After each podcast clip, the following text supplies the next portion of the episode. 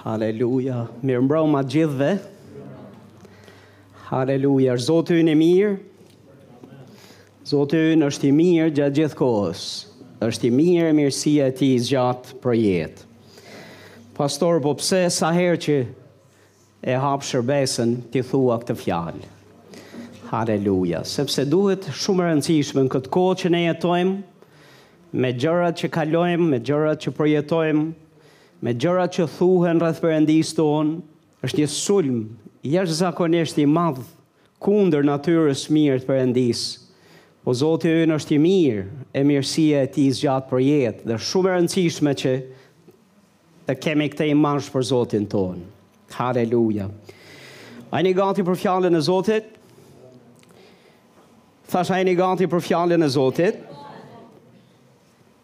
Proverbat njëzet e nëntë, vargu tetëmbëdhjetë, thotë kur nuk ka një vizion profetik, populli bëhet i shfrenuar, por lum ai që respekton ligjin. E dyta e Korintasve, kapitulli 5, vargu 7, thotë sepse ecim nëpërmjet besimit dhe jo nëpërmjet Vizionit. Kështu e kemi në një përkthim Bible, një përkthim tjetër thotë nuk ecim me anë të shikimit. Tek Mateu kapitulli 15 vargu 14 Jezusi flet për saducenjtë dhe farisenjtë dhe krerët e asaj kohe Krerët fetarë të asaj kohe në Izrael, në kohën kur ai ishte. Tha hiqni dorë prej tyre. I bëri thirrje popullit. Dhe u tha hiqni dorë prej tyre. Ata tha janë të verbër, Prijës të verbërish, dhe në qoftë se një i verbër prin një të verbër tjetër, të dy do të bien në gropë. Le të lutemi së bashku. Atë i dashur në emër të Jezusit, ne t'japim ty lavdi, ne t'japim ty nderin. Ne të bekojmë ty për këtë shërbesë, të bekojmë ty për këtë kohë që kemi në praninë tënde. Haleluja, ftoj, ftoj vajosjen e Frymës së Shenjtë që të veprojë, të operojë në këtë shërbesë sot Që të ndahet fjala çiltërsisht, qartësisht, pastërtisht ashtu siç ajo është e gjallë dhe vepruese dhe e fuqishme ashtu siç është për të ndryshuar jetët e njerëzve, jetët e atyre që dëgjojnë me zemër dhe e besojnë. E unë lutem frymë e Zotit na jep vajosje për të kuptuar, për të pranuar, për të besuar dhe praktikuar fjalën e Zotit që do të dëgjojmë sot. Unë të jap ty lavdinë, Zot, Dhe të falenderoj ty që ky mesazh që do të dëgjojnë njerëzit e tu, do do t'i bekojë sot, do t'i bekojë haleluja për të kujtuar të gjithë gjërat e mira që ju ke dhënë deri në këtë ditë. Po gjithashtu dhe për t'i pregatitur si të të përgjigjen ty për gjërat që ti ke për t'ju thanë për nesër. Në emrin e çmuar të Jezusit, unë të jap ty lavdinë e të jap ty nderin e gjithë kisha thotë. Te Proverbat 29 vargu 18, po e filloj me këtë varg, thotë kur nuk ka një vizion profetik, populli bëhet i shfrenuar. Dhe këtu e ka fjalën për popullin e Zotit. Në fakt, Ky është një parim i cili është i vërtetë për çdo aspekt e fushë të jetës. Kudo ku ka mungesë vizioni, po vizion profetik më shumë i përshtatet kishës, më shumë i përshtatet popullit Zotit. Thotë, kur nuk ka një vizion profetik, kur mungon një, prof, një vizion profetik, populli E ka fjalën për popullin e Zotit, bëhet i shfrenuar. Në përkthime të tjera, fjalët që përmenden në gjuhën që është shkruar tek Proverbat, po të bësh një studim, ti shikon që janë një sërë të një sërë gjërash që shkruhen dhe fliten kur bëhet fjalë për fjalën shfrenim. Çfarë do të thotë populli bëhet i shfrenuar? Populli bëhet i shfrenuar, e thanë, në një farë mënyre, bëhet pa kërpesh. A e keni dëgju ju këtë fjalë? A e keni dëgju nanjëherë këtë, këtë term? Do të thotë që është pa kërpesh, do të thotë që është pa frerë. Që nuk di kufi. Dhe Perëndia nuk do që njerëzit e tij të jenë pa kufi dhe të jenë pa kërpesh dhe pa kufizime. Fjala e Zotit është e mbushur plot e përplot me kufizime. Kufizimet nuk janë aty për të për të na e ngushtuar ne jetën dhe për të na e bërë jetën të vështirë. Kufizimet janë në fakt për të na mbrojtur që të rrimë në konturet e atyre kufizimeve në mënyrë që ne të shijojmë hirin, jetën dhe bekimin e Zotit. Ku nuk ka një vizion profetik, ku mungon një vizion profetik, populli është në një gjendje të kësaj natyre. Një mënyrë tjetër e të thanit është që Është i shfrenuar si një i dehur që i merren këmbët dhe që nuk e di se ku është duke shkuar. Perëndia ka një qëllim për jetën tënde, ka një qëllim për ne, dhe ai nuk do që ne të jetojmë jetën tonë si njerëz të dehur, si njerëz komplet Të yshtur disi, duke na u marrë këmbët pa ditur se ku jemi duke shku.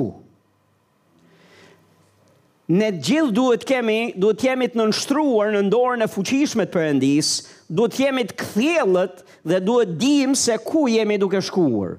Po kur mungon vizioni, mungon drita, mungon shikimi dhe për këtë arsye popullit i mungon dhe qëllimi, Popullit i mungon dhe forca dhe pasioni për të bërë përpara, sepse nuk di se ku është duke shku.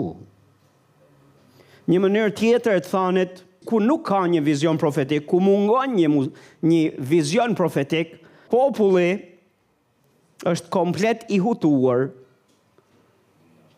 i verbuar, pa dritë, Pa një qëllim të qartë. Pa një qëllim të qartë. Të qenit konfuz.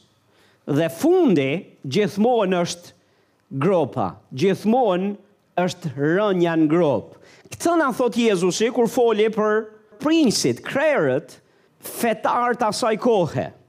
Sapo lexuam në Fjalën e Zotit tek Mateu pesëmbëdhjetë vargu katërmbëdhjetë, Jezusi i tha, Hiqni dorë prej tyre, sepse ata janë të verbër, prijës të verbërish.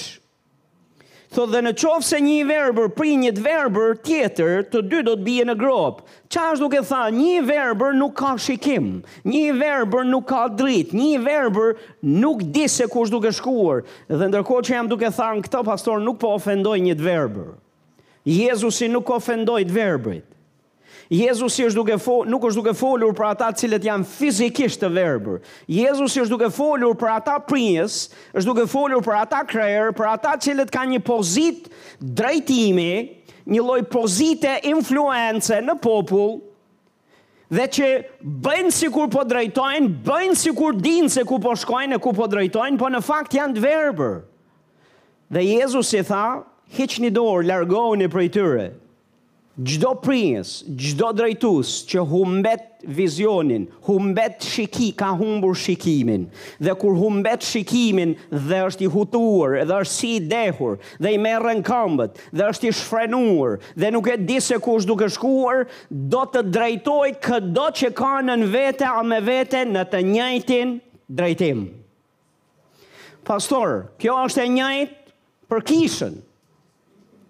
Nëse krerët e kishës nuk ka një vizion të qartë se ku është duke e çu Zoti kishën dhe cili, cili është vizioni i Perëndisë për kishën, atëherë gjithë kisha do të jetë duke vuajtur. Do të jetë E shfrenuar, pa qëllim, pa e ditur se ku po i çon Zoti.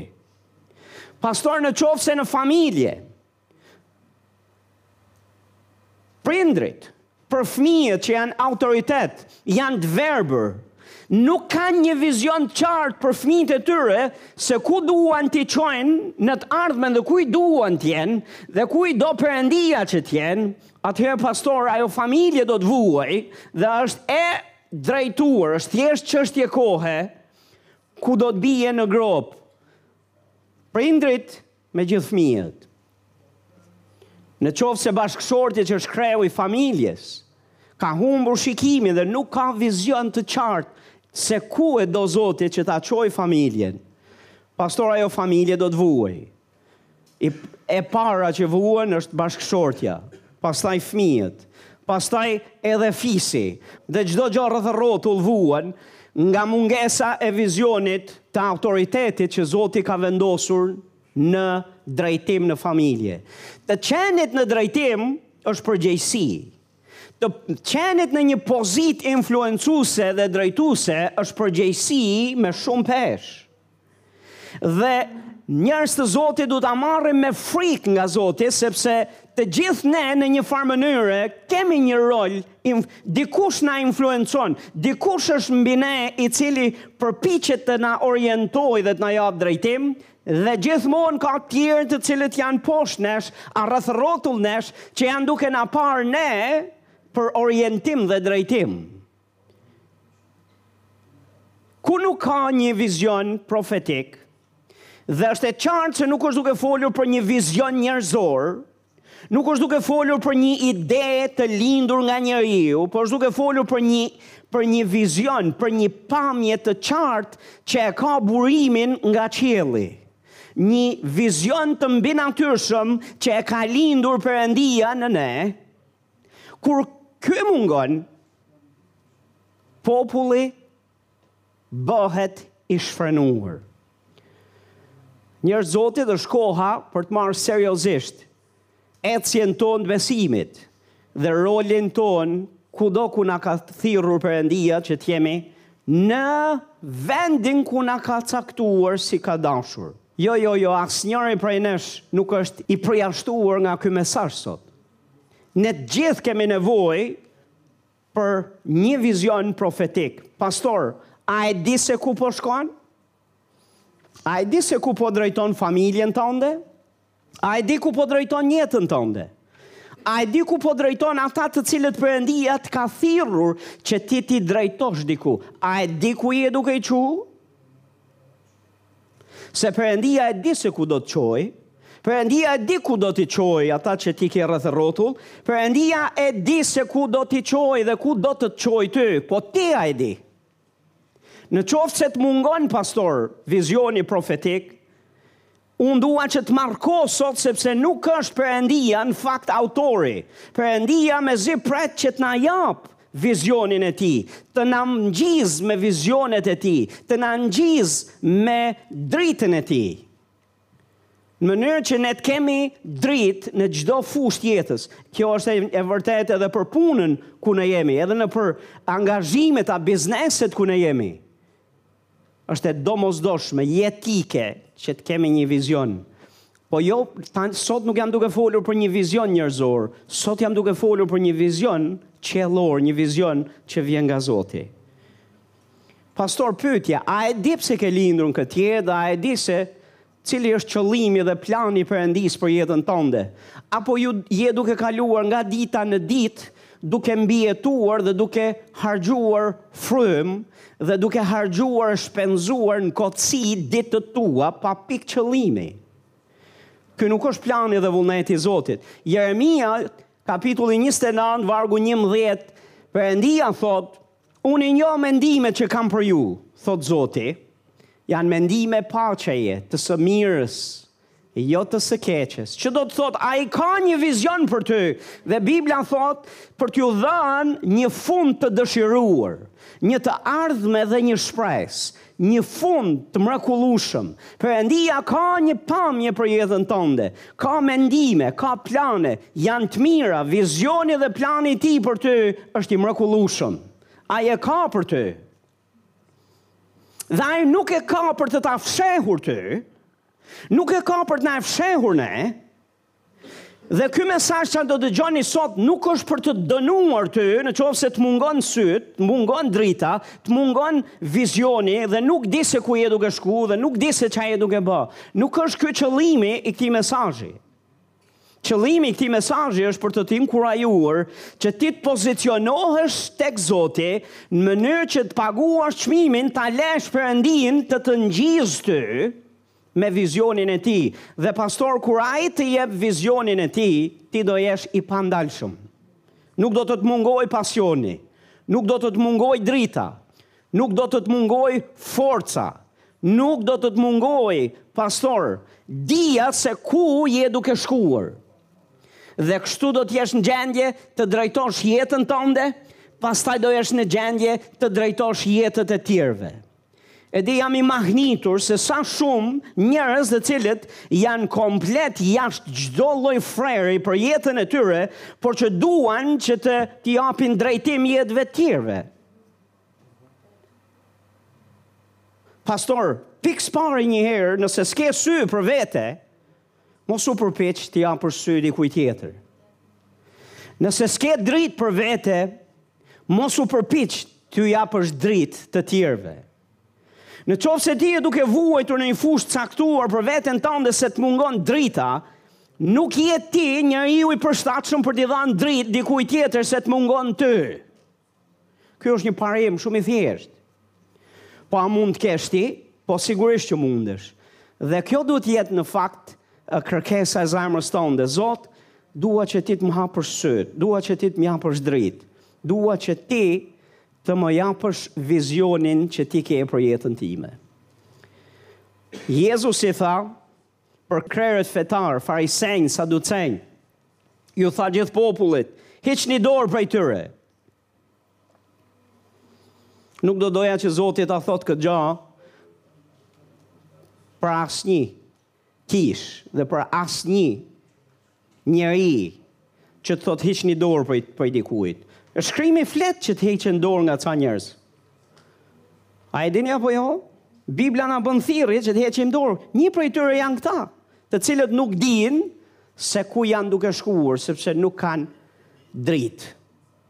Nuk e kanë dritën e Perëndisë. Iu mungon shikimi. Janë të verbër vetë dhe do të drejtojnë dhe tjerët Atje ku janë duke shkuar drejt gropës. Si mund të marrësh vizionin e Perëndisë për jetën tënde? Faleminderit që më pyetët. Jam shumë i gëzuar për këtë interes. Haleluja. Si të marrësh vizionin e Perëndisë për jetën tënde? Më lini t'ju them disa gjëra të cilat nëse ti i bën, të garantoj që do lesh Perëndinë të të ngjisë ty me vizionin e tij, me vizionet e tij. Sepse mund të jetë një vizion, mund të jenë shumë vizione për jetën tënde. Mund të jenë vizione të përkohshme, mund të jetë një vizion, vizion afatgjatë, por në fund të ditës Perëndia s'do të të lejë ty pa dritë. Në asnjë hap.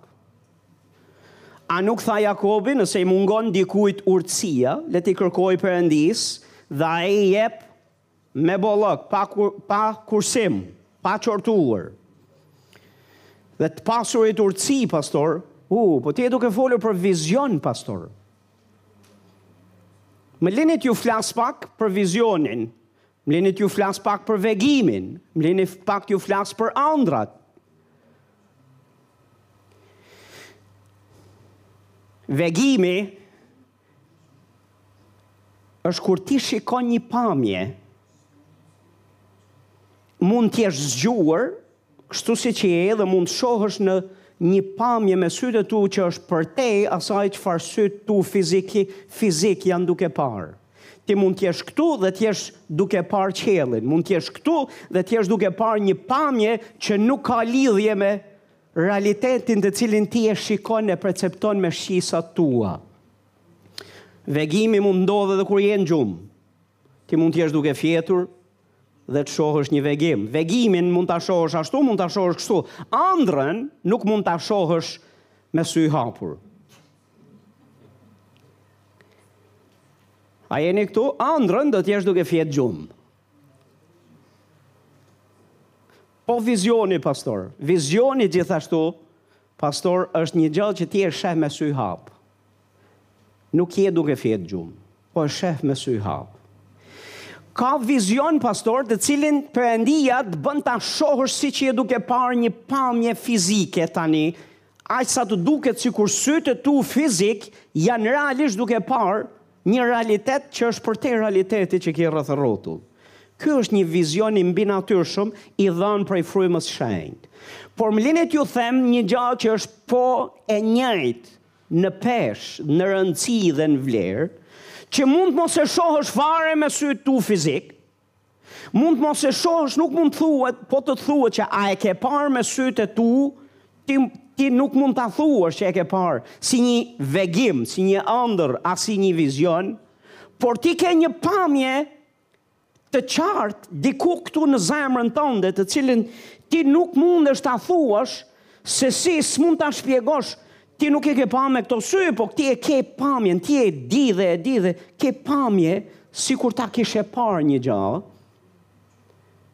Dhe këtu jam duke fol për një lloj vizioni të tillë të cilën unë do të flas dhe do t'ju mësoj, se është një nga ato gjëra që Zoti do të mund të depozitojë dhe lind, ngjizë në ne,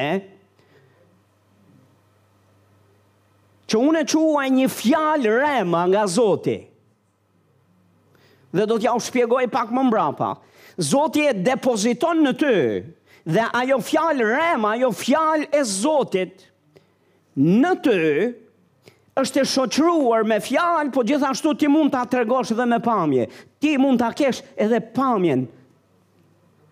Gjithsesi sa herë që dëgjojmë fjalë, zakonisht ne e shoqërojmë me pamje, është normale. Po gjithsesi shumë e rëndësishme është që të kemi vizion nga Zoti.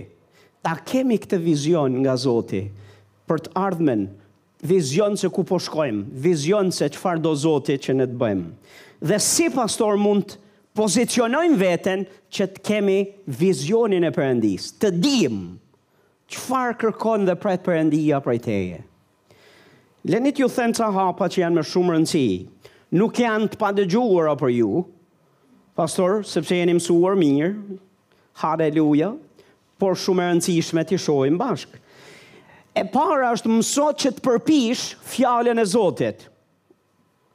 Më pëlqen shumë, më pëlqeu fjala përpi, sesa të them shko dhe rri me fjalën e Zotit dhe të gjeja një fjalë, më pëlqen shumë fjala Përpij. Jeremia pesëmbëdhjetë vargu gjashtëmbëdhjetë thotë, me, ta, me t'i gjetur fjalët e tua, thotë i përpiva. Fjala jote ka qenë për mua gëzimi dhe gazi i zemrës time, sepse emri yt kërkohet nga unë o Zot Perëndia i ushtrive. Wow, Jeremia thotë me t'i gjetur fjalët e tua i përpiva. Fjala jote ka qenë për mua gëzimi dhe dhe gazi i zemrës time. Çfarë është duke fol? Është duke fol për një njeri që është aq i lumtur, aq i gëzuar.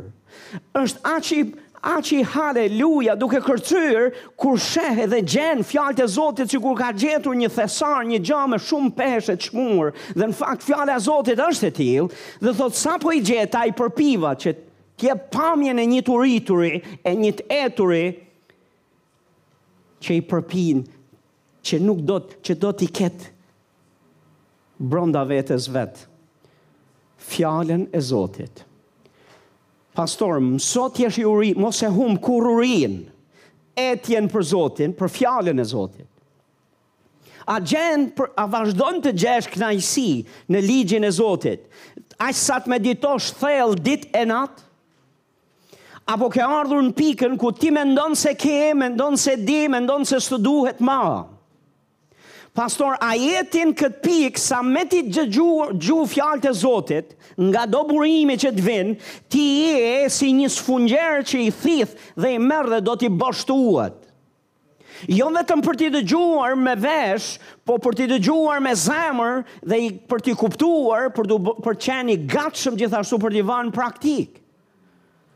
Pastor, në qoftë se e ke këtë qasje ndaj fjalës së Zotit, më lër të të them, Perëndia do të bëjë që ti të kesh vizionin që jep vetë fjala e Zotit. Do të, do të të japë vizionin që ty duhet për jetën tënde. do të tregojë se çfarë Zoti do të thotë, vetë kuptimi i fjalës, vetë zbulimi, zbulesa e fjalës së Zotit në fakt, bëhet vizioni yt. Mund të jetë i përkohshëm, mund të jetë për një situatë të caktuar, mund të jetë për drejtimin e jetës tënde, Por zbulesa e asaj fjale dhe zbulesa e, kësaj, e fjalës së Zotit nuk i jepet gjithkujt, po ti, por i jepet dikujt si Jeremia. Dikujt që me t'i gjetur fjalët e Zotit. I përpin ato.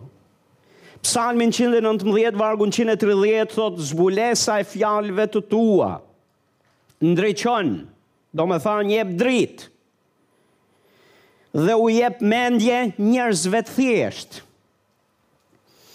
Ju jep mendje, ju jep drejtim, ju jep kthjellësi, ju jep vizion, i njëjti, i njëjti parim është këtu. Zbulesa e fjalëve të tua ndriçon Jep dritë. Vizioni të jep dritë. Vizioni është është drejtimi i Perëndisë, orientimi i Perëndisë për jetën tënde. Kur ti ke këtë qasje ndaj fjalës së Zotit, fjala e Zotit do të hapet për ty, Do të të hapen sytë për të kuptuar, dhe kur ti të kuptosh Fjalën e Perëndisë që të është drejtuar ty, ajo fjalë kthehet nga fjalë e shkruar logos në greqisht, kthehet në fjalë rhema për ty. Ka një ndryshim mes fjalës logos të shkruar dhe fjalës rhema të rhema të folur nga Perëndia. Fjala logos Që Bibla na flet tek Gjoni kapitulli një, kur flet në fillim ishte fjala, fjala ishte pranë Perëndisë, fjala ishte Perëndi, kur flet me radhë, aty është duke fol, fjala që përmendet aty është logos në greqisht, që i referohet fjalës së shkruar të Perëndisë. Fjala e shkruar e Perëndisë ka përgjigjet tona për, je, për jetën dhe planin e përgjithshëm të Zotit për jetën tonë. Por është një fjalë tjetër po e Perëndisë që quhet fjala rema. Tek Efesianët kapitulli 6 vargu 17 dhe merrni thot shpatën e frymës që është fjala e Perëndisë. Kjo fjala e Perëndisë aty është fjala e folur e Perëndisë, fjala rema e Perëndisë. Fjala rema do të thot një fjalë specifike e dhanë nga Perëndia për situatën tënde specifike. Dhe mund të mos jetë e shkruar në logos, gjithmonë është e miratuar nga shkrimi nga fjala logos, sepse logos është themeli, por fjala rema mund vi prej frymës shenjt në zemrën tënde. Dhe rema Është fjala që Fryma e Shenjtë zbulon në zemrën tonë dhe mund të jetë specifike për situatën në cilën ne kalojmë. Dhe pastor ne kemi domo, ke, kemi jetike të dyja dhe fjalën edhe logos edhe rema, po jetike për ne është Fjala rema, fjala rema është në fakt vizioni që Zoti të jep ty, pamja që Zoti ka për jetën tënde, për situatën në cilën ti ndodhesh. Nëse ti përpin fjalën e Zotit dhe ke etje dhe uri për fjalën e tij, beso do të të hapen syt, do të të vi drita. Dhe kur të të vinë dritat, pastor, ti do shohësh, dhe do dish se nga duhet me ec, dhe do dish se ç'a duhet të bësh, dhe do dish se çfarë është duke të thanë Perëndia yt. Dhe më lër të të them kur dëgjon zërin e bariut tonë, zërin e Perëndisë, nuk ke nevojë të dëgjosh një çarçaf me fjalë, mjafton vetëm të të thërras me emër dhe jeta jote ndryshon. Jo, ma të të japë një fjalë specifike se ça duhet të bësh për situatën tënde. Bashkë me fjalën rema është dhe besimi i Perëndisë në të. Dhe ti mund të mbahesh fort mbas Zotit, sepse Zoti, fjala rema në fakt është është edhe edhe litari i bekimit Zotit që ai ta hedh për shpëtim. Është dora e tij e zgjatur drejt teje. Pastor, përpij fjalën e Zotit. Dy, pastor, është ec në dashuri dhe refuzo të dalësh jashtë ecjes dashurisë. Ta them edhe një herë, ec në dashuri dhe refuzo të dalësh jashtë ecjes dashurisë. Pastor, ça lidhje ka kjo me vizionin profetik? Pastor, në qoftë se ti mëson që të ecësh në dashuri, ti do ta pozicionosh veten tënde që Perëndia të mundet të të shërbejë ty dhe të të japë ty atë që ty të duhet. Drita, vizioni, Ça e ka për jetën tënde? Por nëse dalim jashtë dashurisë, nëse dalim jashtë ecjes, aty verbohemi, aty humbim, aty hym dhe ecim në errësirë. Më lini të shohim disa shkrime që të kuptoni ça jam duke thanë. E para Gjonit kapitulli 2, vargu 10 dhe 11. Gjoni thotë ai që e do vëllain e vet qëndron në dritë. Ku qëndroka? U, domethënë, a doni dritë ju? Doni të shifni? Doni t'dini ku po shkoni? Doni dini? Atëherë, qenka Shkrimi i shenjtë thotë ai që e do vëllain e vet, qëndron në dritë dhe nuk ka thotë asgjë në të që e bën të bierë. Një përkthim tjetër thotë nuk ka asgjë në të që e bën të pengohet. Pse? Sepse ka dritë, sepse sheh, se e di se ku është duke shku. Por ai që e urren thotë vëllain e vet, që do të thotë del jashtë dashurisë, është në errësirë. Thotë ecën në errësirë dhe nuk e di ku po shkon, sepse errësira ia ka verbuar sytë. Pastor duhet me pas shumë kujdes nga ofendimi, shumë kujdes nga hidhrimi, shumë kujdes pastor nga urrejtja, sepse në qoftë se ti i jepesh uh, ofendimit, i jepesh hidhrimit dhe i jepesh urrejtjes me vëllezërit, në trupin e Krishtit, me këdo pastor, më le të të them ti nuk dëmton vëllain tand, ti dëmton veten tënde. Dhe sipas këtij shkrimit, ti verbohesh, ti humb rrugën, ti pengohesh dhe bije, ti do të vuash pasojat.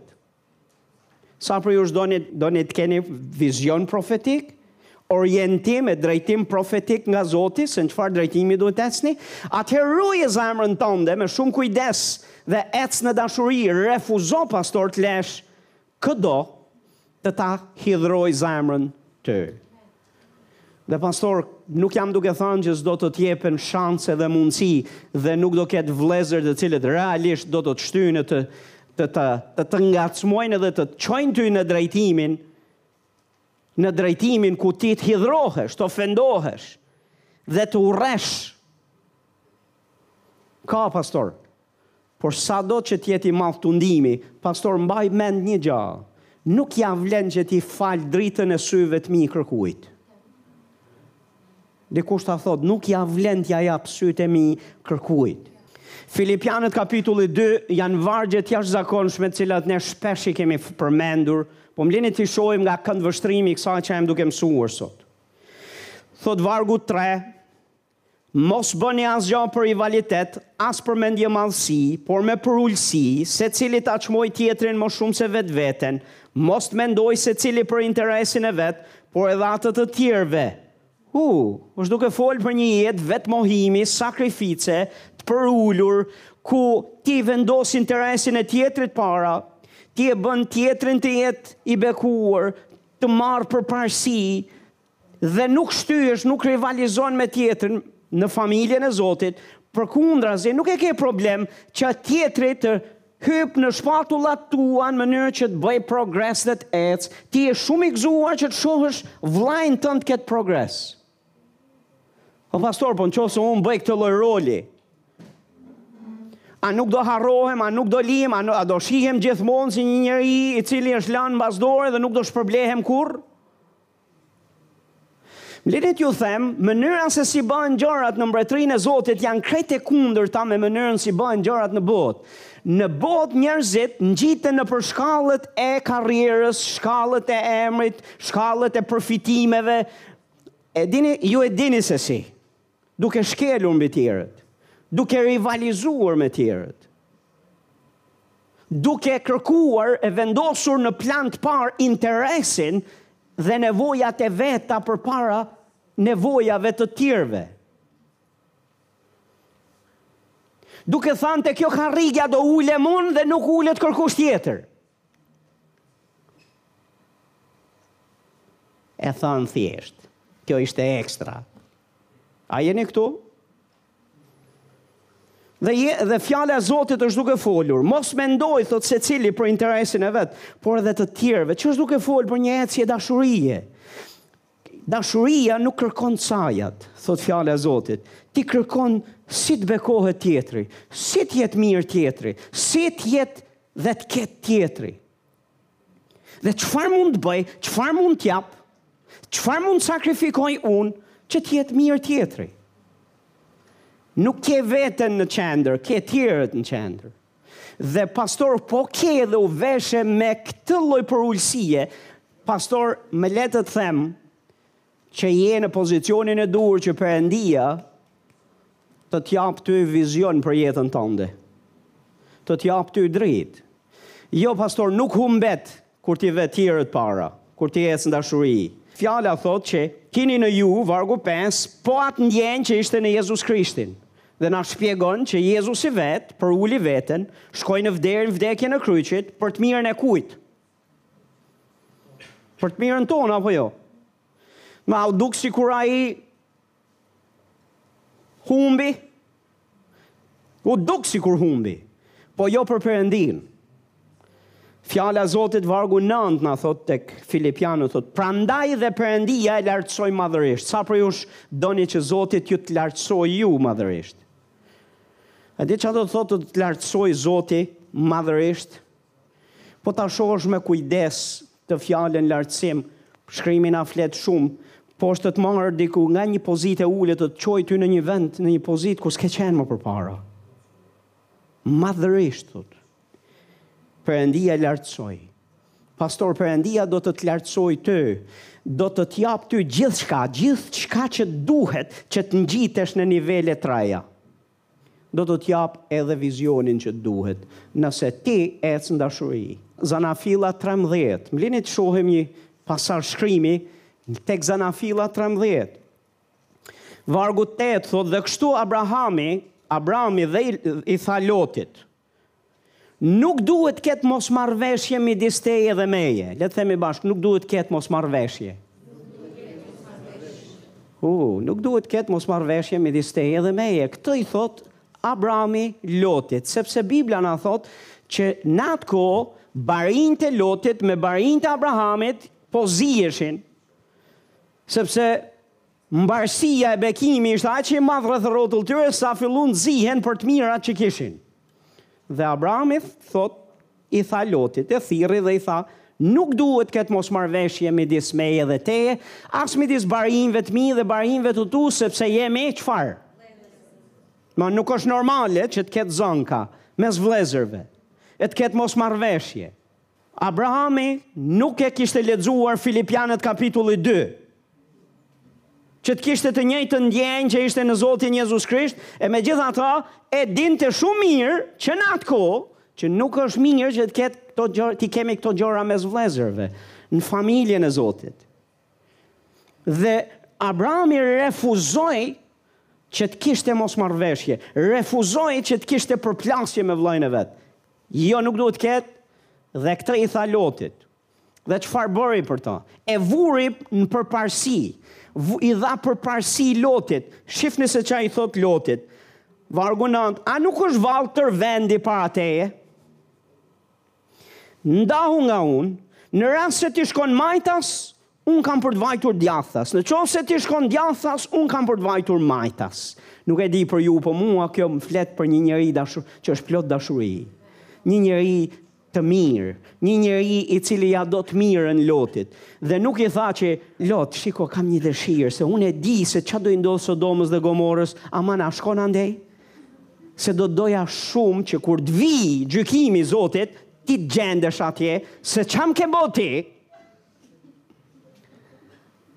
Se ça je duke m'bo ti? Ti e meriton të shkosh atje. Jo, Abrahami nuk ishte me këtë zemër. Zemra e tij është Ti zgjidh pjesën më të mirë. Nuk do të zgjedh unë, zgjidhe ti. Pjesën më të mirë të tokës, zgjidhe ti. Dhe Bibla po të shohë, shohim që, shohim që në fakt ai zgjodhi pjesën që ishte në dukje më e mira në atë periudhë kohe. Sepse Sodoma dhe Gomorra ku ai zgjodhi që të shkojë ishin thotë si kopshti i Perëndisë. Kishte lulëzim atje dhe a di ça bëri Loti, Loti zgjodhi vendin më të mirë dhe i la një vend, i la Kananin shkretëtirë Abrahamit.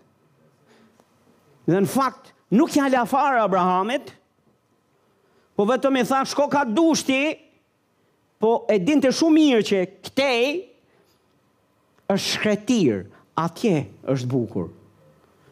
Dhe Abrahamit s'i ngeli gjë tjetër. Po dëgjoni se çfarë bëri Perëndia menjëherë mbas kësaj. Dhe unë besoj përveç se Perëndia kishte planin e vet për Abrahamin që u bind kur ju kur u largua nga vendi i tij, me këtë veprim dashurie që ai tregoi këtu, E bëri Perëndinë që të hyjë në skenë. Ti që më ngjason mua, ti që je duke bërë të njëjtën gjë që është pjesë e natyrës time, s'mund të rri pa të bekuar dhe pa të dhënë diçka. Dhe i dha vizion. Pastor. Çfarë vizioni i dha pastor? Shihni se ça i thotë. Vargu 14 thotë dhe Zoti i tha Abrahamit mbas ndarjes Lotit prej tij, "Ço tani sytë Shiko nga vendi ku ku je drejt veriut e jugut, drejt lindjes dhe perëndimit, tërë vendin që sheh, unë do ta jap ty dhe pasardhësve të tu përgjithmonë. Dikush thotë amen. Ça i tha çfarë sheh? Shif, majtas, djathtas, veri, jug, Ça sheh ti, sa të shohin sytë ty, do të janë tuat për ty, e pasardhësit e tu përgjithmonë. Në atë kohë, pastor, ajo çfarë ishte atje ishte shkretirë një vend i padëshirueshëm për askënd. Po a e dini që u deshën kohë, po Perëndia e mbolli, Perëndia e ktheu si në kopshtin e vet e lulëzoi, kur erdh derisa erdh koha, që tha tani është gati t'ia jap pasardhësve të Abrahamit. Dhe nuk doli Nuk i doli, nuk doli kurrë nga fjala e tij. Pastor, ecja në dashuri. Kur ti ec në dashuri, ti e le Zotin të të prek sytë e tu që ti të shohish. Atë ça ai ka për ty. Dhe më le të të them askush s'ta merr pjesën tënde. Hej, hej. Haleluja, po po vura interesin e tjetrit, po vura tjetrin para, mbeta duke vënë tjerët përpara. Pastor, Të shkoftë jeta duke vënë tjerët para, se po e bëre kështu, Perëndia do të të vejë ty para. Dhe mua edhe ty duhet të na interesojë më shumë të na vejë Zoti para, para tij se sa njeriu. Dikush thotë amen. A jeni duke e dëgju se ça jam duke fol? Çoji sytë, Abram, mbas ndarjes Lotit, çoji sytë dhe shiko. Vendi, Haleluja, ku je drejt veriut, jugut, drejt lindjes, perëndimit, i gjithë është i yti, çfarë shef? E treta, pastor, shërbe besnikrisht ndaj vizionit të dikujt tjetër dhe do të kesh tëndin. Nuk ke një vizion për jetën tënde? Pastor, gjeje Pozicionohu në trup, pozicionohu ku Zoti të don ty, pozicionohu drejt atyre, pranë atyre që kanë një vizion për jetën e tyre, pozicionohu pranë tyre, vu, veru në shërbimin e tyre, viru, rri pranë tyre dhe pastor, ti do të kesh tëndin, që është je kohë.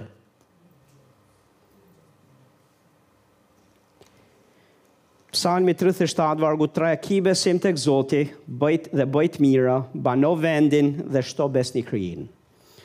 Dikush thotë amen. Ça duhet të shtojmë? Domethënë, ça duhet të shtojmë? Ankimin, duhet të shtojmë agjitimin të qenit të padurueshëm, apo duhet të shtojmë besnikërinë. Ki besim tek Zoti, Dhe shto besnikërinë sepse ai ka për t'u siguruar që do të të shpërblejë ty. Luka gjashtëmbëdhjetë, vargu dhjetë deri në dymbëdhjetë, thotë, Kush është besnik në të vogla, është besnik edhe në të mëdhatë. Kush është i padrejtë në të vogla, është i padrejtë edhe në të mëdhatë. Ky është ligj me tjera fjalë. Është matës. Ashtu siç do ishte një peshore për të matur, kjo gjithashtu është peshorja e zemrës. Dhe thotë kush është besnik në të vogla, është besnik edhe në të mëdhatë. Kjo më tregon mua që, ej, tek gjërat e vogla shihet se si je, a je besnik a nuk je. Dhe më tregon gjithashtu që ato gjërat e vogla kanë rëndësi dhe peshë në sytë e Zotit. Dhe gjithashtu më tregon mua se ai nuk na jep e beson gjëra më të mëdha pa mësuar një herë që të mirëmenaxhojmë besnikërisht gjërat e vogla. Prandaj gjërat të cilat janë të vogla për sytë e tu mos i shih kurrë si të vogla, sepse nuk janë të vogla në sytë e Zotit. Dhe në qoftë se të është besuar diçka për ta bërë, bëje mirë dhe bëje besnikërisht sepse sytë e Zotit janë duke parë. Ndoshta sytë e njeriut nuk shohin se çfarë je duke bërë, po jo sytë e Perëndisë. Sytë e Perëndisë shohin se si je duke bërë ato gjërat tua të vogla. Disa e kanë mendjen veç te gjërat e mëdha. Te gjërat e mëdha dhe janë në pritje të gjërave të mëdha. Dhe e kanë mendjen kur të vinë gjërat e mëdha do lëvizin për të bërë ndonjë gjë të vogël.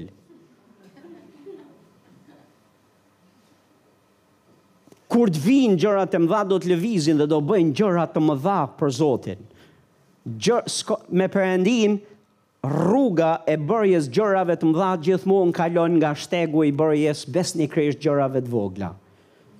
Nuk duhen neglizhuar kurrë gjërat dhe hapat e vogla, prandaj shkrimi na thotë mos i përçmoni fillimet e vogla, se mund të jenë të vogla në sytë e tu, po nuk janë në sytë e Zotit. Shtoje besnikërinë, pastor. Që do të thotë, si po merresh me gjërat e vogla? U, pastor, po, shpija, kush merret me gjëra shpije? Me thënë të drejtën nuk i kam qef fare gjërat e shpijës. Nuk ju ve faj, pastor, se ka ca gjëra në shpinë time që dhe unë s'i kam shumë qef. Ne jemi duke i besu Zotit për një shpi me vite, edhe besojmë që Zoti do e sjellë, është rrugës. Haleluja! Po një nga gjërat që Zoti i foli bashkëshortes time ishte kjo, Nëse ti tregohesh besnike me shpinë që ne e kemi me qera që është e huja, është e dikujt tjetër, unë do të të jap tënden. Dhe shoh nga ajo kohë e mbrapa shoh që gruaja ime nuk fle më pa e pastru dhe rregullu shpinë një herë që të jetë xixë. Nuk e zë gjumi. Sepse e ka, e ka marrë seriozisht atë fjalë nga Zoti. Të qenit besnik, gjë e vogël, o pastor, ça, shpi në fund të ditës. Po pastor, po në qoftë se do që Zoti do të besojë, nëse je duke besu për një makinë shumë të mirë, shif njëherë si e trajton këtë Kanaçen që ke sot. Si e ke këtë makinën që ke sot? Si po sillesh me to? Dhe pse duhet me të besu Zoti një gjë më të mirë, shumë më me shumë vlerë dhe me më shumë, kur ti nuk di si me trajtu atë që ke sot? Dhe ti e, e, e le mbas dore. Tani këto janë gjëra të thjeshta, po këtë na thotë shkrimi. Shtoje pra besnikërinë te gjërat e vogla, dhe në fakt se janë të vogla në sytë e tu, dije që në fakt është bekimi i Zotit, në fakt janë shkallët e Zotit që janë vënë para këmbëve tua, dhe është duke thënë që hapat tu vlla janë aq të vogla. Lavdi Zotit që s'e ka vënë shkallën këtu, që ti të përpiqesh me e hedh atje, se po të ishte aq e madhe, ti s'do hypje kurrë. Po jam, a jeni mirënjohës Zotit që i ka vënë shkallët Te të voglat, e hap me një hap e vazhdo rrugën. Po shtoje besnikrinë. Haleluja. Dhe thotë kush është i padrejtë në të vogla është i padrejtë edhe në të mëdhat. Ligj. Vargu 11, në qoftë se ju nuk keni qenë besnikë me pasuritë e padrejta, kush do t'ju besojë pasuritë e vërteta? Po ta shihni me kujdes, Jezusi është duke thënë, si silleni ju me gjërat materiale, fizike, në botën fizike në cilën ju jetoni, janë tregus se si ju jeni frymërisht. A e dini dhe se si jeni ju frymërisht dhe se si jeni ju edhe në marrëdhënie me njerëzit. Dhe si do të trajtoni gjërat frymore të cilat janë shumë më me vlerë dhe me peshë se gjërat materiale fizike të cilat ti i ke përreth. S'po ndaloj shumë atje, por shtoje besnikërinë. Dhe mos mos ji kaq i fiksuar tek gjërat frymërore dhe t'i lesh këto gjërat Këto gjërat fizike rreth rrotull teje t'i lesh mas dore. Pse sepse gjërat fizike që i ke rreth rrotull teje në fakt janë tregues. Zoti e ka mendjen aty dhe është duke thënë si po sillesh me gjërat që ke. Si je duke u marrë me këto. Në qoftë se ti merresh mirë dhe drejt dhe tregohesh i drejtë e besnik me gjërat me këto që sheh do të tregohesh besnik dhe me gjërat që ti nuk i sheh. Si vajosja. Si fuqia e Perëndisë, si dhuntitë e Frymës së Shenjtë. Këto janë pasuri, pastor.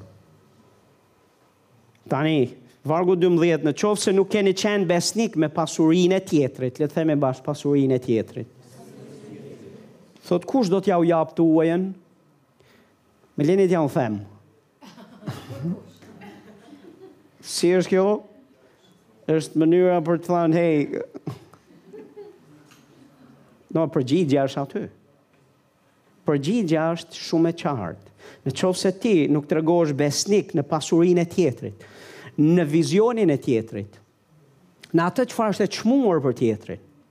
Nëse ti nuk ngjitesh, nuk bashkohesh për të qenë aty, kush do të ta besojë tënden? Në qoftë se do që Zoti të të ngjizë me vizion, e do që Zoti të të japë vizionin tënd, pastor shërbe nën vizionin e dikujt tjetër.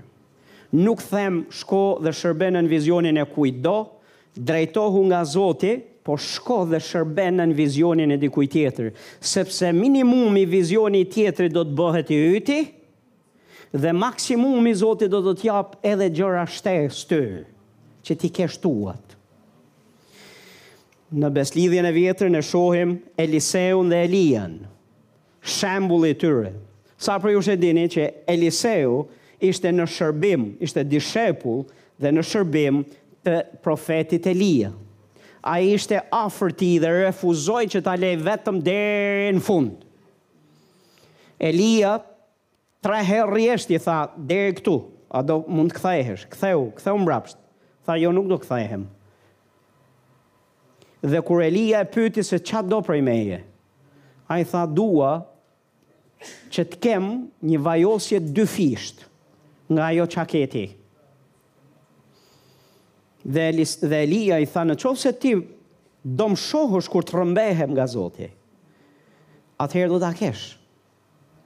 Dhe Bibla na thotë që Eliseu besnikërisht i shërbeu Elias deri në fund dhe pa në fakt në momentin kur u rrëmbye dhe manteli kur u rrëmby Elia në qiell nga Perëndia. Manteli i tij ra mbi, ra mbi Eliseun. Dhe Eliseu nga ai moment e mbrapa pati dyfishin e vajosjes.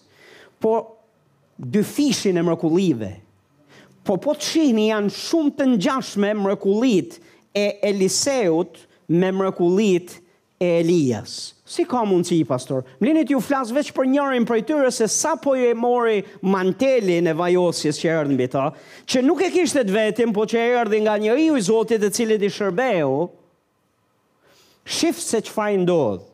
Tek e dyta e Mbretërve, kapitulli dy, vargu trembëdhjetë dhe katërmbëdhjetë është, menjëherë mbasi manteli vjen mbi të. Mblodhi, thotë, pastaj mantelin e Elias, që i kishte rënë nga trupi, u kthye prapa dhe u ndal në bregun e Jordanit. Pastaj mori mantelin e Elias, që i kishte rënë nga trupi, rrahu ujërat me të dhe tha, Ku është Zoti, Perëndia i Elias?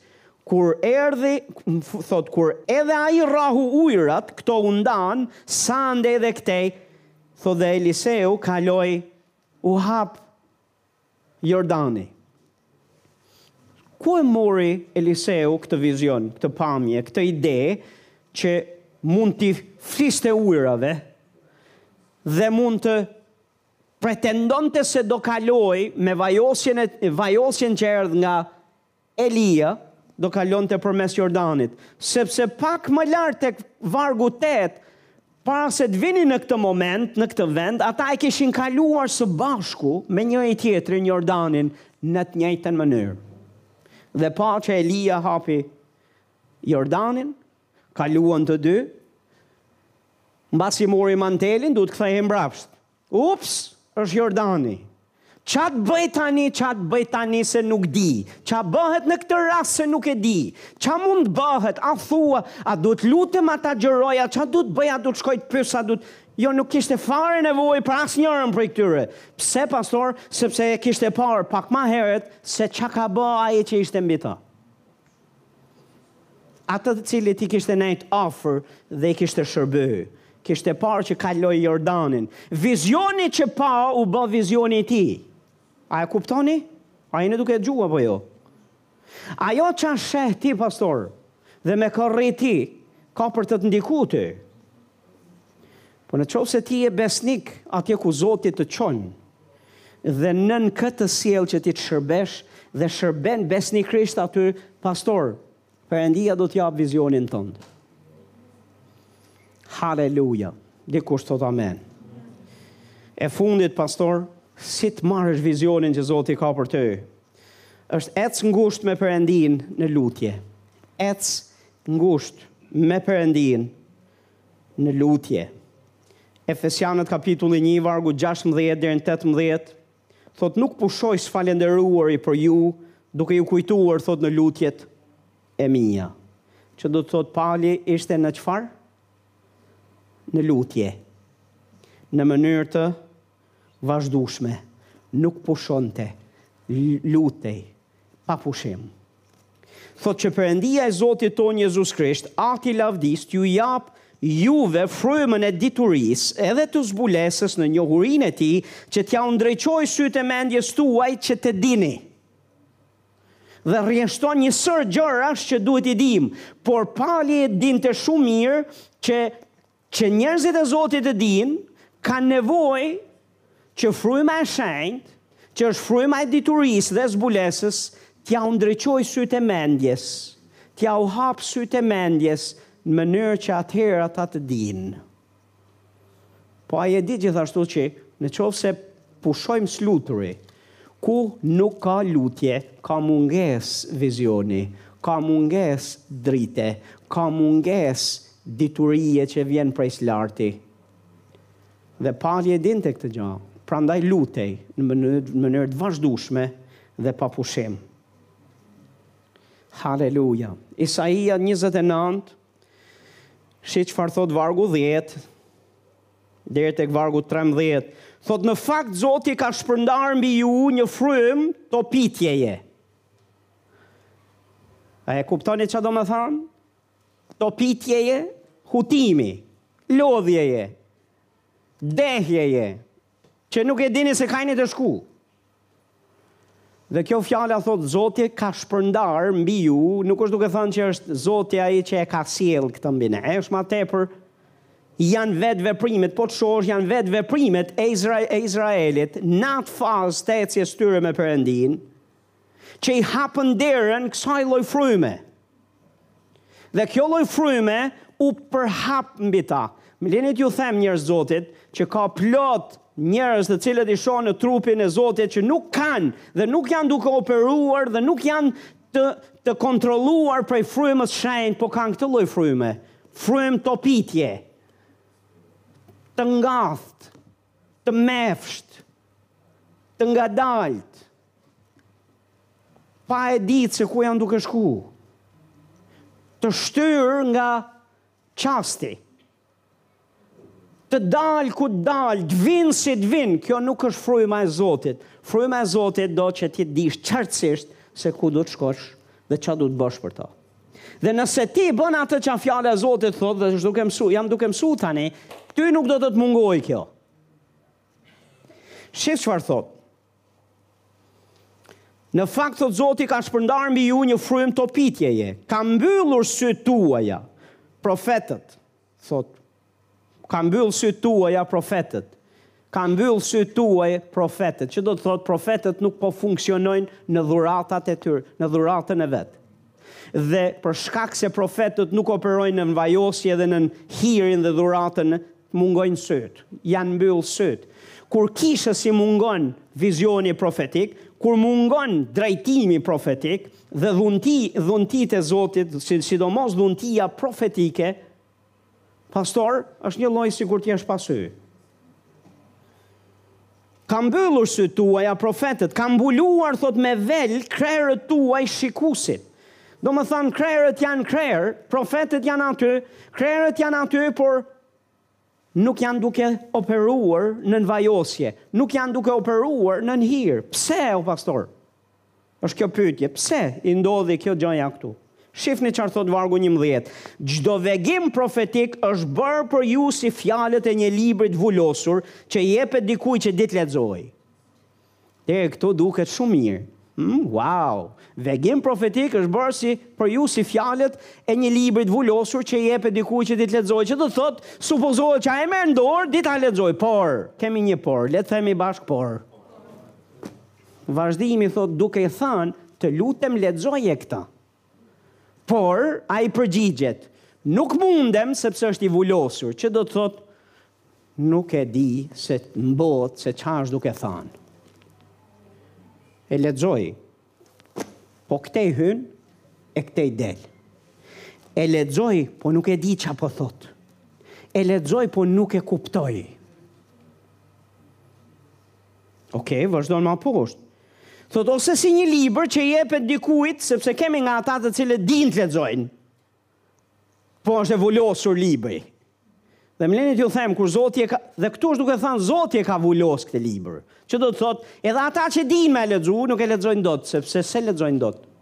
Se ke nevojë për frymën e shenjtë që e ka frymëzuar. Që t'jap zbulesën.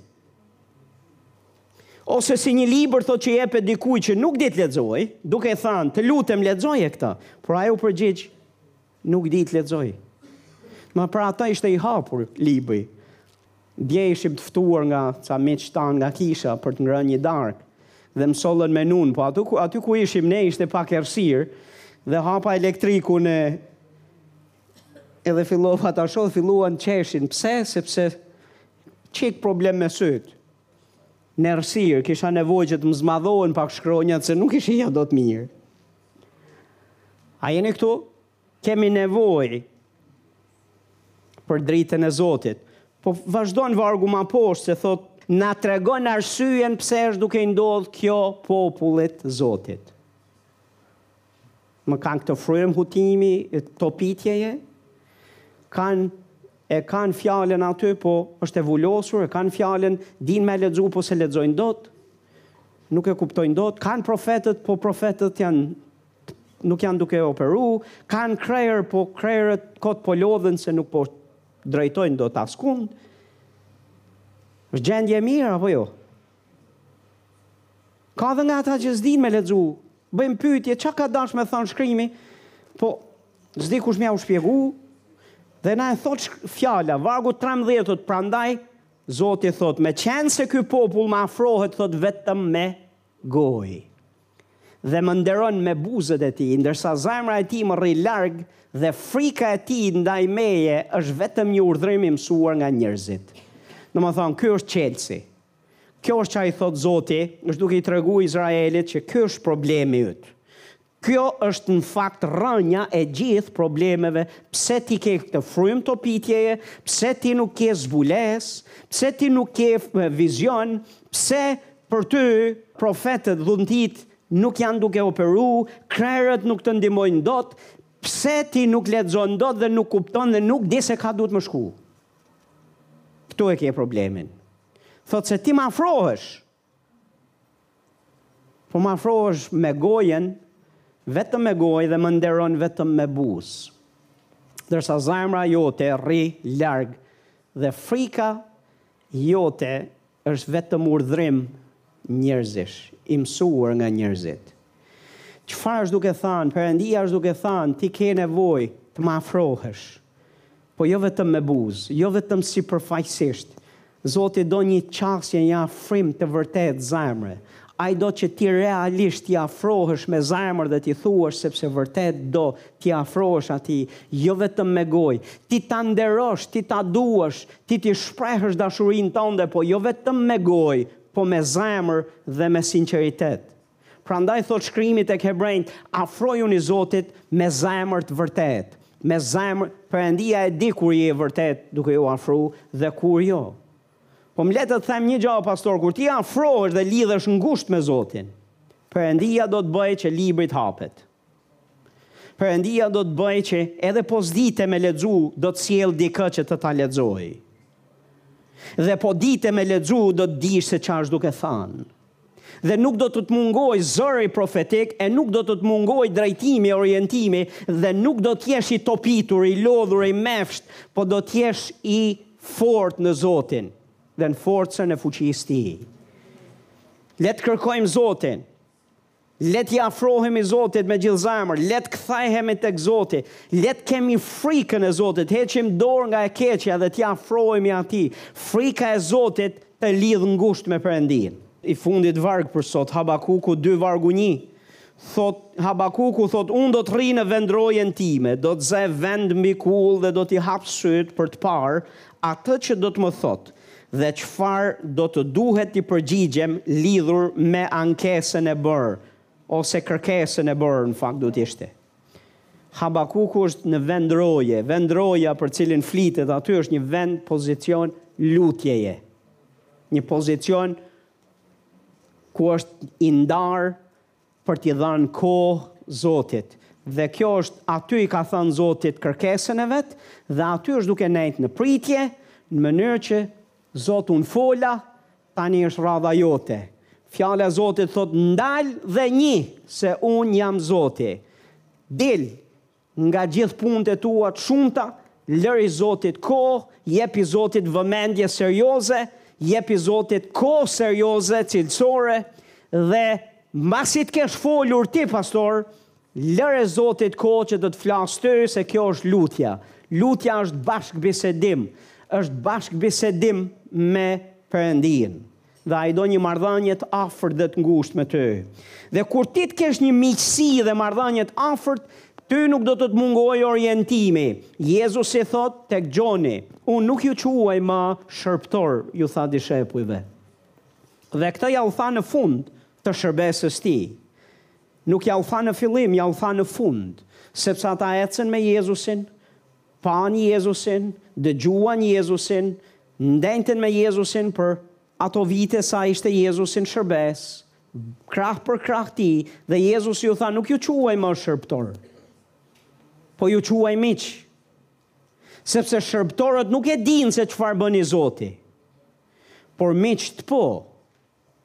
Dhe Jezusi ju, ju tregoi atyre se ku po shkon, çfarë do të bëjë dhe çfarë do bënin ata. Nuk i la pa vizion. Nuk i la pa ju thënë se ku po shkon, ça do të ndodhë edhe ku do shkojnë ata në të ardhmen. Dikush thotë amen. Po kur ai u largua, ai i la pa, pa, pa e ditur se ku po shkojnë? I la komplet nga iku Jezusi s'e dimë. Ore, e dini se ça do bëjmë ne tani? Po, shkoni në mbarë botën, e predikoni lajmin e mirë, çdo krijese, nuk i la pa orientim. Dhe i quajti miq. Miq sepse ndenjtën me Jezusin dhe paguan çmimin e miqësisë. Paguan çmimin e miqësisë. Pastor, Kaloni kohë me Zotin. Dhe ndërsa rrini me të, ai mezi pret që t'ju tregojë ju mendimet që ai ka për ju. Janë mendime të mira, jo të këqija. Janë për t'ju dhënë një të ardhme dhe një shpresë, për t'ju dhënë një fund të dëshirueshëm, një fund që ty edhe në imagjinatën tënde më të shfrenuar nuk do të shkonte ndër mend. Sepse ka një plan të mrekullueshëm për ty. Ka një vepër madhore të madhe që do ta bëjë përmes kësaj kishe. Ka një vepër të madhe që Ai do ta bëjë përmes teje që je pjesë e kësaj kishe.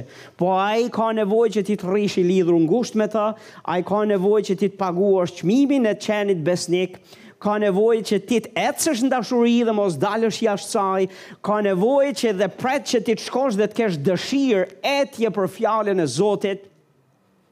Në mënyrë që ta lësh atë të të prekë sytë e tu, në mënyrë që ti të shohësh përsëri. Dikush të thotë amen. E di, shkrimi na flet tek ungjijtë, dy të verbër, kur dëgjuan që Jezusi po kalonte, ngritën zërin duke bërtitur me të madhe dhe duke thënë, Jezus, bir i Davidit, ki mëshirë për ne. Dhe Jezusi vazhdoi rrugën. Ata nuk e lanë bërtitjen e tyre, ngritjen e zërit. Dhe Bibla thotë që e gjetën ku kishte shkuar Jezusi. Si shkuan dy të verbër atje ku Jezusi ishte? E gjetën, sepse ishin seriozë dhe e kishin me të vërtetë. Dhe Jezusi që me herën e parë kur i dëgjoi që ata duan t'u kthehen sytë, as që u mor me ta fare. Dhe duket sikur ai nuk deshi t'ia dijë, e dë, po e dëgjoi. Nuk është se s'e dëgjoi, se Jezusi ishte i shurdh. Jezusi i dëgjoi që herën e parë kur ata kërkuan, por nuk shkoi për t'iu dhënë dritën e syve, vazhdoi rrugën. Po këta dy të verbër nuk hoqën dorë. Ngritën zërin e, ngritën zërin e dhe shkuan atje ku Jezusi ishte dhe kur shkuan në aty ku Jezusi kishte ndaluar që do të thotë do t'i kenë thënë dikujt, ndi, na ndihmoni pak ku është, na çoni afër Jezusit. Kanë marrë parasysh që do ecim, do rrezikojmë gjithçka, s'e dimë, përplasu këtej, përplasu andej, nuk du m'ia ditë. Le t', le të ecim anë dëgjimit, veç ndoshta shikimin s'e kishin, po dëgjimin e kishin. Po e përdorim këtë që kemi, që t'i afrohemi Jezusit. Dhe kur shkuan te Jezusi, Jezusi pastaj u kthye dhe iu dha vëmendje dhe iu tha, ça doni që të bëj për ju? Dhe iu tha gjithashtu, a mund të besoni se unë jua jap dritën e syve? Dhe ata thanë, po, Zot. Dhe tha, u bëftë sipas besimit tuaj, dhe në çast thotë iu kthye drita e syve. Më lini t'ju them, Ne kemi nevojë për sy dhe ka shumë më tepër të verbër sesa ç'janë fizikisht dhe që i shohim. Ka plot të verbër të cilët nuk dinë të drejtojnë familjen, nuk dinë të drejtojnë jetën e tyre, nuk dinë të drejtojnë fëmijët e tyre, nuk dinë të drejtojnë kishën, nuk dinë se ku nga vijnë e ka janë duke shku.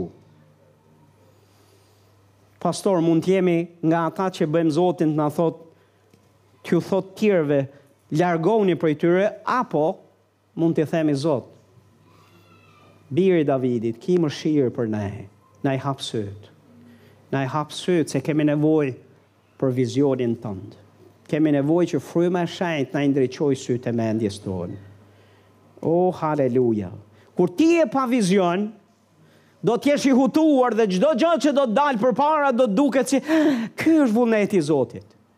Ky është plani i Zotit. Do të jetë kjo. Do të jetë ajo. Dhe në fund nga zhgënjimi në zhgënjim, nga lodhja në lodhje, nga Po pastor, kur ti ke vizionin e drejtimin e Zotit, e frymës shenjtë, ti nuk do jesh kështu kurrë. Ti nuk do gabosh.